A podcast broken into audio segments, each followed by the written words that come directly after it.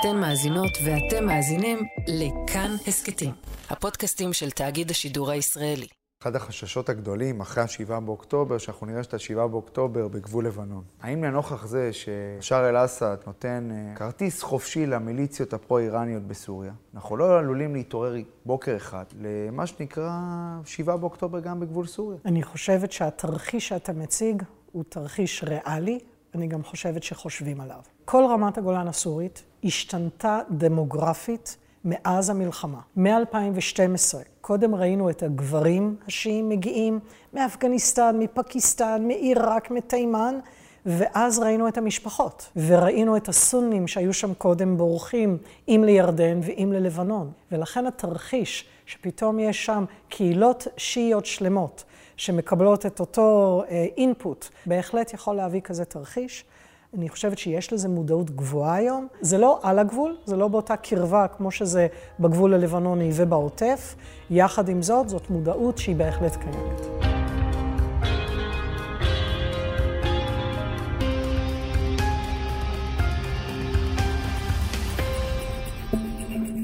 שלום, אתם מאזינים לעוד יום, הסכת האקטואליה של כאן. אני רועי קייס. הפעם אנחנו עם פרק מיוחד של אויבים במלחמה, סדרת רעיונות שמלווה את סדרת התעודה אויבים שמשודרת אצלנו בערוץ כאן 11. האורחת שלנו בפרק הזה היא אלוף משנה במילואים מירי אייזן, שהייתה ראש ענף סוריה באגף המודיעין ויועצת ראש הממשלה לתקשורת זרה. נדבר איתה על נשיא סוריה, בשאר אל-אסד, הקצב מדמשק, ששורד בשלטון בעזרת רוסיה, איראן וחיזבאללה. ננסה להבין האם הוא מהווה איום על ישראל, והאם במונחים של המזרח התיכון, בשאר אל-אסד הוא בסך הכל מנהיג מוצלח. שלום מירי אייזן. שלום. לשעבר ראש ענף סוריה באמ"ן ויועצת ראש הממשלה לתקשורת זרה, לשעבר כמובן. כולם לשעבר. תראי, אנחנו מדברים איתך בעקבות הפרק שהשתתפת בו בסדרה אויבים על בשאר אל-אסד, שלמעשה בפרק הזה הוצג כיצד סוריה בזמן בשאר אל-אסד הפכה לזירה של כוחות מרובים, הרוסים, האיראנים, חיזבאללה, אנחנו פועלים שם, כולל בתקופה האחרונה. ואני רוצה לשאול אותך, מירי, האם אפשר לומר שבשאר אל-אסד הוא באמת ריבון בסוריה, או שהוא בעצם בובה של רוסיה או איראן? אין מה להגיד שבשאר לא חושב על עצמו בתור בובה. ואם הייתה לו את האפשרות, הוא קרוב למדי היה רוצה אולי להרחיק את עצמו, בטח מאיראן, אפילו מרוסיה. יחד עם זאת, אין מה להגיד שכל מה שהוא מדבר זה בשפה הפרסית בערבית, אה, דרך השפה של סוריה. הוא בא והוא מציג את עצמו בתור ריבון. הוא בא ומציג את עצמו בתור הפנים של סוריה. אני לא חושבת שהסורים יסכימו איתו, ואני בטוחה שאיראן ורוסיה רואים בו הרבה יותר בובה. ישראל בשנים האחרונות, במסגרת מה שמכונה המב"ם, המערכה שבין המלחמות, פועלת אה, לא אחת בסוריה, כולל בימים אלה, מבחינת תקיפות נגד ההתבססות של איראן. והשאלה הגדולה, למה בשאר לא מגיב? בשאר לא מסוגל להגיב נגד ישראל. לבשאר אין צבא. לבשאר אין שום יכולת. בשאר מקבל היום את היכולת שלו או מאיראן או מחיזבאללה. ממש הגענו למצב שחיזבאללה זה הכוח החזק ולא הצבא הסורי. בנוסף, הוא לגמרי עסוק בענייני הפנים שלו. הוא לא רוצה לפתוח חזית נגד ישראל. זה מפחיד אותו. יותר נוח לו כרגע להתעסק בחזית הפנים. גם בימים האחרונים, כאשר אה, על פי המקורות הזרים, ישראל תוקפת. כל פעם הסורים מודיעים שהנ"מ הסורי, נגד מטוסים, לא רק שירו נגד המטוסים של הציונים, כפי שזה מוגדר, אלא מורידים מטוסים. זה שטויות. הם בפועל אינם מסוגלים לעשות כרגע שום דבר נגד ישראל. הם חייבים לדבר על זה, אבל זה לא בעשייה. זה שוב חוזר לזה שלבשאר אין פשוט יכולת. ולכן מה שהוא עושה, תחת המעטפת של המלחמה של ישראל נגד חמאס, נגד חיזבאללה, הוא עושה דברים בחזית הפנים, כי אף אחד לא מסתכל. למה הכוונה? זה אומר שבסוף אסד הוא יותר כמו כזה ראש ארגון פשע, שהוא ראש מדינה, מאשר ראש מדינה. ובתור ראש ארגון פשע, א', הוא צריך שהפושעים שתחתיו יעבדו. ממשיכים במלוא המרץ בייצוא קפטגון, בייצוא אותו סם לכל ארצות ערב. זה דרך ירדן, הרי ירדן, הצבא הירדני תוקף את סוריה כרגע, זה מעסיק אותו. בחודשים האחרונים, כשנמלי התעופה האזרחיים של סוריה, שאיראן עושה בהם שימוש כדי להעביר אמצעי לחימה, הותקפו, אז היו גם קרובי משפחה של אסד שאמרו, איך זה יכול להיות שתוקפים לנו מעל התעופה של דמשק, ואנחנו לא תוקפים בחזרה את מעל התעופה של בן גוריון? לכן אני שואל, מה לדעתך כן יכול לגרום לו להגיב, כי בסוף מדובר בבן אדם קיצוני. הוא יכול לעשות משהו מקומי, נ"מ נגד מטוסים שחודרים, אולי איזו ארטילריה קצרת טווח, אבל אין לו יכולות יותר גדולות. מה הוא כן יכול לעשות? הוא יכול לתת, ואת זה הוא עושה, לכוחות של השיעים, גם אלה של כוח אל-קודס האיראני, בוודאי לחיזבאללה, הוא נותן להם לתת את המענה. זה גם מרמת הגולן, זה גם באזור של דמשק, זה כל הזרימה עדיין של אמצעי הלחימה, לא אליו, אלא אמצעי לחימה לחיזבאללה ולשיעים שיושבים בתוך סוריה. לזה הוא כן נותן את האפשרות. אני רוצה לשאול אותך, תכף אנחנו ניגע בזה, אבל לגבי הציר, אמרת שהוא שייך לציר האיראני-רוסי. Mm-hmm. למה סוריה כל כך חשובה לציר הזה? א', מיקום... והיא משקיעה משאבים אדירים כדי, מה שנקרא, שאסד יישאר. אין כמו סוריה בשביל המונח לוקיישן, לוקיישן, לוקיישן. הוא גובל בישראל. הוא תוחם את לבנון, ויש לו את המוצא לים התיכון.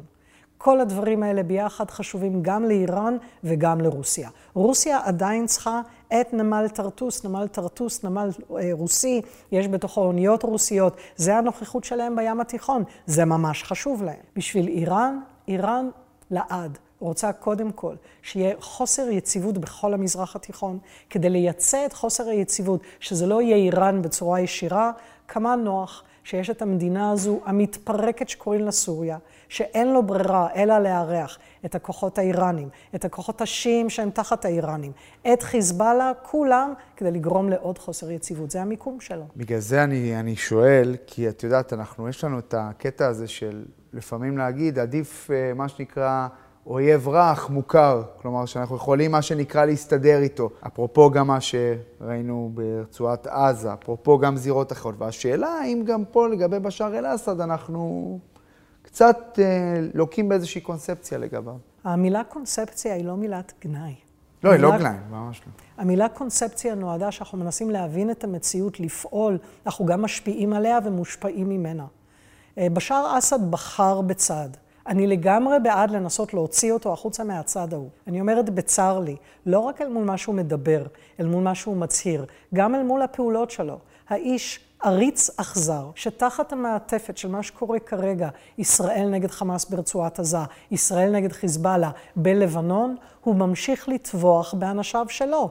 באזור של אידלי בצפון מערב המדינה, הם נמצאים עכשיו בחודשים האלה תחת התקפה שאף אחד לא שם לב, בגלל שיש את המלחמה אצלנו. בשאר אל-אסד באמת חושב שסוריה זה פלוס מינוס השדה שלו.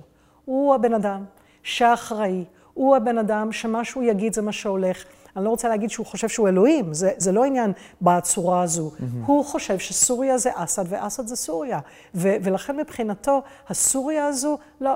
אם אנחנו, ישראל, מוכנים לתת לו חזרה את רמת הגולן, אולי הוא יהיה מוכן ככה להתחיל לפתוח בדיבורים איתנו. אבל לא מדובר על שום צורה אחרת. הוא ממש רואה את סוריה בתור החווה הפרטית שלו, שבו הוא עושה מה שהוא רוצה. אז היום, לנוכח הדברים האלה שאת אומרת, את רואה את סוריה כאיום על ישראל? כלומר, אם אנחנו מציבים אותה במפת האיומים באופן כללי. אני חושבת שהמרחב הפיזי הסורי מהווה פלטפורמה כאיום על ישראל. אני לא חושבת שמדינת סוריה, הצבא הסורי, הם איום על ישראל. אבל סוריה תחת בשאר שמייצאת סמים, זה זוועה. סוריה תחת בשאר שמאפשרת גם לאיראנים, גם לכוחות משמרות המהפכה, גם לכוחות השיעים האחרים, גם לחיזבאללה, לכולם לפעול, לקבל את כל האמצעים השונים, זה מהווה את האיום על ישראל.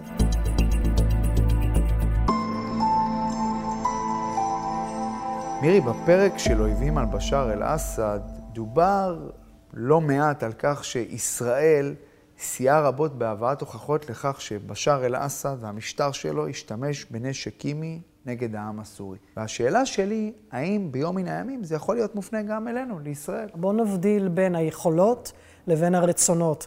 להבדיל מחמאס, שבמידה גדולה הבנו את היכולות ובאמת לא הבנו מה הם עושים איתם, עם סוריה אנחנו מבינים את היכולות, מסתכלים על הדברים הבלתי קונבנציונליים. אני חושבת שחלק מהמב"ם, מערכה שבין המלחמות, אה, יועדה נגדם, אבל אני לא חושבת שבפועל הם אלה, הצבא הסורי, שיקומו ויתקפו, וזה מה שיפתיע אותנו. את חושבת שבשאר מגביל את הכוחות הפרו-איראנים בסוריה, או שזה, איך אומרים, אללה בבאללה, הם עושים מה שהם רוצים? אני לא חושבת שלבשאר יש יכולת להגביל את משמרות המהפכה. אני חושבת שאולי הוא היה רוצה, הוא היה אולי בא ואומר לחמנאי, תקשיב, לא טוב לי הכוחות שלך אצלי, והם עושים כל מיני דברים שלא נוחים לי.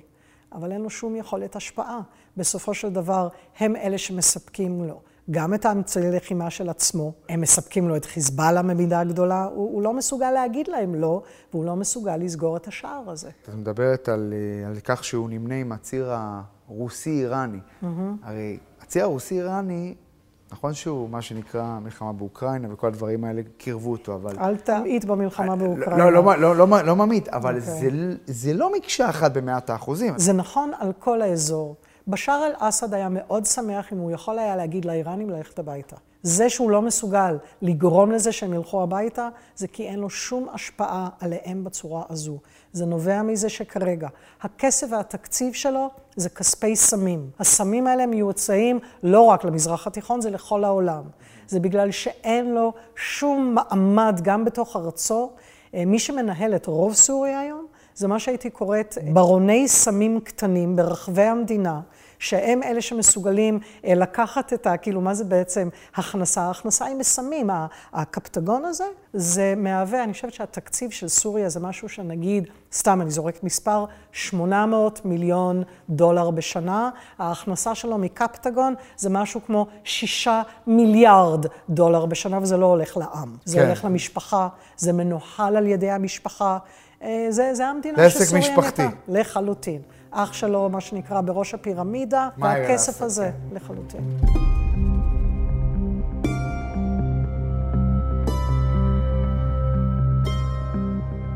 אז יש לך, בשאר אל-אסד עצמו, היית מגדירה אותו כמנהיג מוצלח?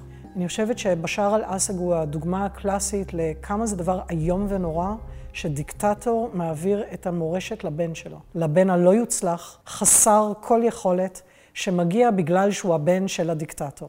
חאפז אל-אסד, לא שאני אוהבת אותו, אבל הוא היה דמות מאוד יוצאת דופן, מאוד של מנהיג, שגם הוא השתמש בסוריה בתור הבית הפרטי שלו. והוא ראה בבאסל בנו את היורש.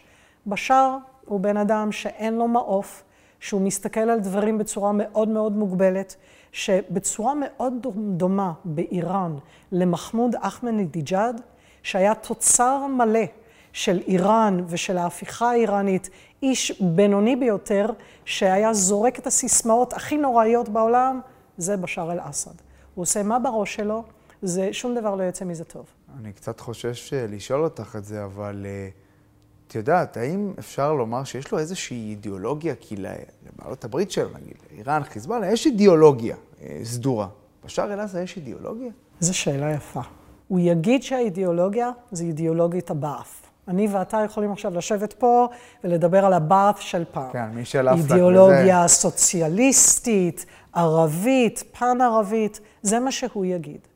אני חושבת שהוא גדל בתוך משפחה, שהמשפחה זה המדינה והמדינה זה המשפחה. וזה משפחת אסד, הרחבה.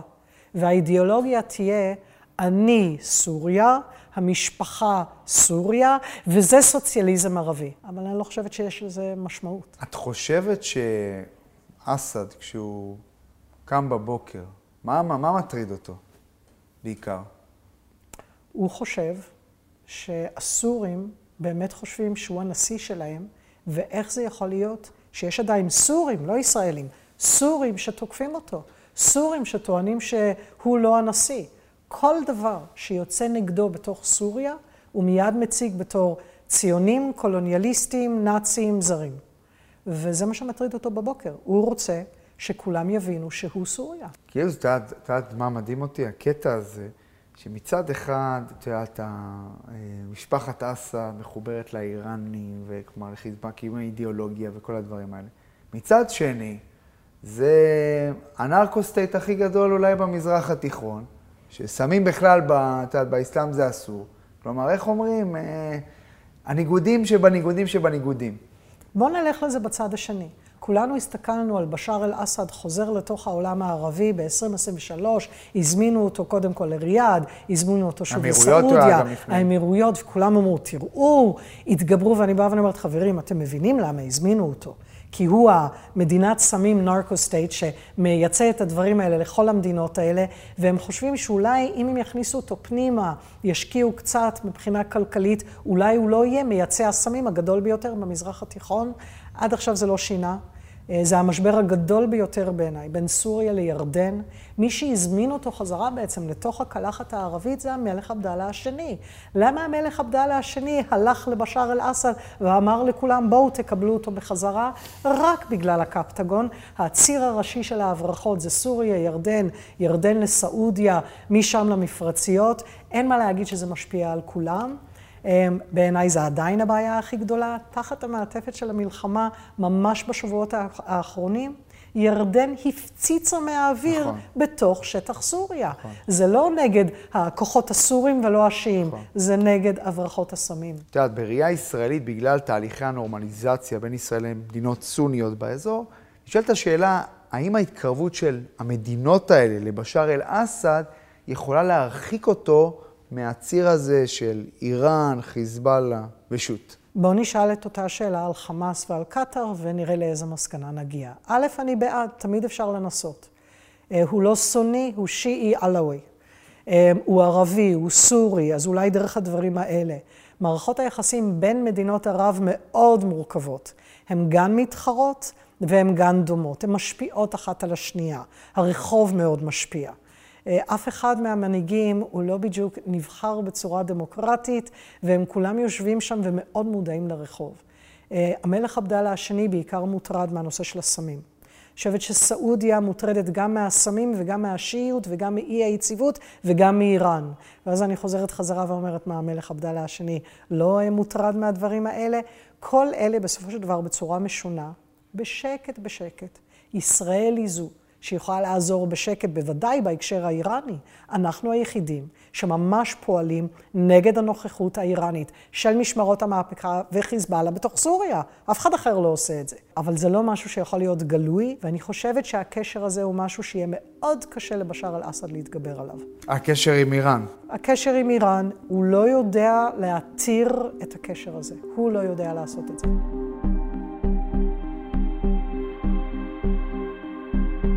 מערכת השיקולים של ישראל במהלך אה, מלחמת האזרחים בסוריה. בסוף, בשאר אל-אסד הוא חוליה במה שנקרא בשר הזה, בשר, בשר הראשי. כלומר, מטהרן עד, אה, עד לדרום לבנון. והשאלה שלי, האם במערכת השיקולים, את יודעת, אתה אומר, אולי כן נסייע להפיל, אולי לא, כלומר, אה, תכניסי אותנו לראש הזה, כן? כי גם את, את היית ראש ענף סוריה באמ"ן, אז תכניסי אותנו למה שקורה.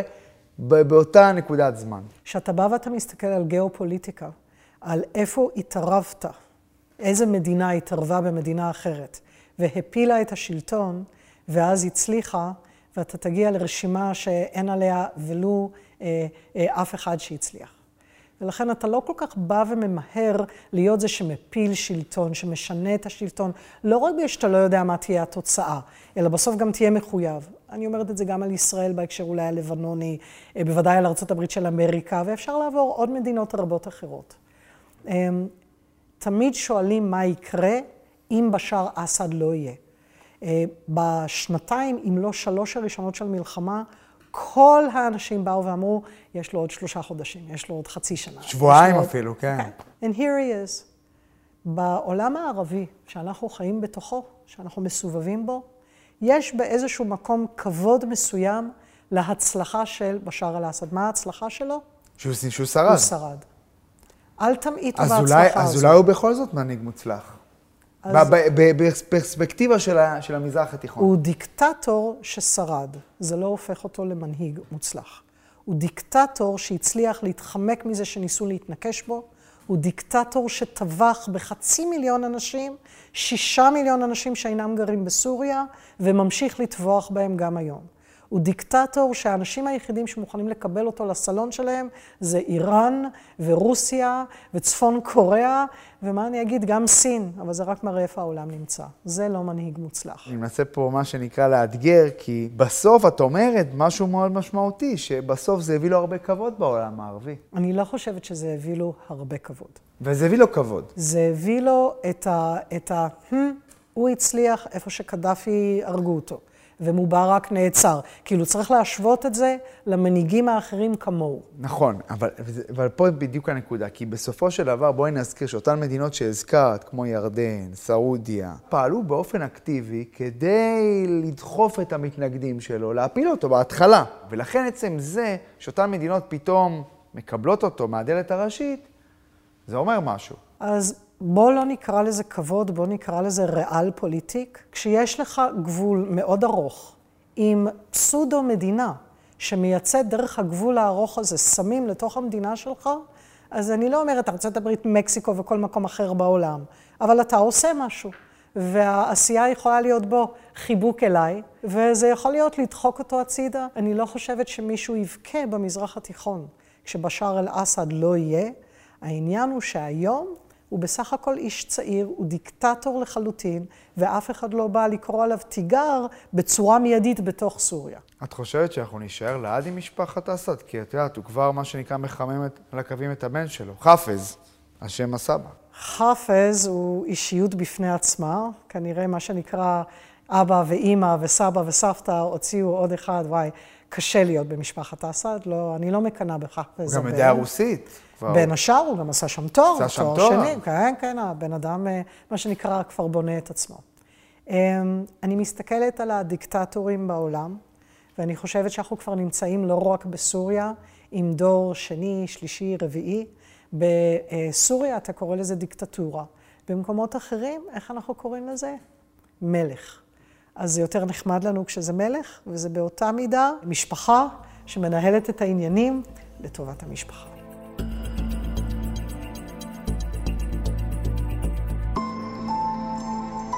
חושבת שיש משהו שכן יכול להוציא את אסד מהציר הזה של איראן וחברותיה? לצערי, בשאר אל-אסד גדל את כל חייו כשאיראן היא חשובה. בשנות ה-90, כשהוא עשה את החפיפה לקראת היותו נשיא, איראן וחיזבאללה נהיו הרבה יותר חשובות, וב-24 שנה, 24 שנה שהוא נשיא, הוא לא יודע להיות בלי רוסיה ובלי איראן. אז מצד אחד הוא נורא רוצה להראות שהוא עצמאי, הוא מאוד רוצה להיות המנהיג הערבי, ולא זה שנתמך על ידי איראן ורוסיה. אבל אני לא חושבת שהוא יודע לעשות את זה. אני חייב לשאול אותך שאלה על סיום, קצת, איך אומרים, אה, קצת לצאת מבשאר. את חושבת לנוכח כל מה שאנחנו רואים היום, במדינה, במלחמה, שחסרות אה, נשים בהנהגה וגם בפיקוד? אני חושבת שה... הזוועה הגדולה ביותר כרגע במדינת ישראל זה היעדר גיוון בקבלת ההחלטות, נקודה. זה היעדר נשים, היעדר גיוון, קבוצה של גברים שכולם יודעים את הכל, הם בתוך group think. כל פעם שאני מסתכלת על ישיבת קבינט, קבינט מדיני, קבינט ביטחוני, כשאני מסתכלת על ההנהגה הצבאית ואני מסתכלת על ההנהגה הביטחונית, אני נחרדת. מי שחושב שרק גברים בוגרי צבא הם אלה שצריכים לקבל החלטות על הביטחון במדינת ישראל, עושה טעות חמורה. אל"ם במילואים מירי אייזן, לשעבר ראש ענף סוריה באמ"ן ולשעבר היועצת של ראש הממשלה לתקשורת זרה, תודה רבה לך על הדברים האלה. אני בטוח שכשניפגש שוב, בשאר ימשיך להיות איתנו, ויהיה לא מעט על מה לדבר עליו. תמיד יהיה מה לדבר, יהיה לי עוד שערות לבנות, ונמשיך לדבר על בשאר. תודה רבה, מירי. תודה, תודה. האזנתם לעוד יום, ספיישל אויבים במלחמה. את גרסת הוידאו צילמו אבי קוצקל וניצן גרינוולד נתן. אבי קוצקל גם ערך את הפרק. יותם רוזנבלד היה על עריכת התוכן. בהפקה יואב טייטלבאום. שימי אביגד הוא העורך האחראי של הפרויקט. עורך עוד יום דניאל אופיר. כל פרקי הסדרה אויבים מחכים לכן בכאן בוקס ובערוץ היוטיוב של כאן 11. הגרסה המצולמת של ההסכת הזה מחכה לכם גם בכאן בוקס ובערוץ היוטיוב של כאן חדשות. תודה לירון ניסקי ודני ליבר, יוצרי סדרת התעודה אויבים, שיזמו את הפרויקט הזה. ותודה לבית הנסן בירושלים, שם צולם הפרק. אני רועי קייס, ניפגש בפרק הבא.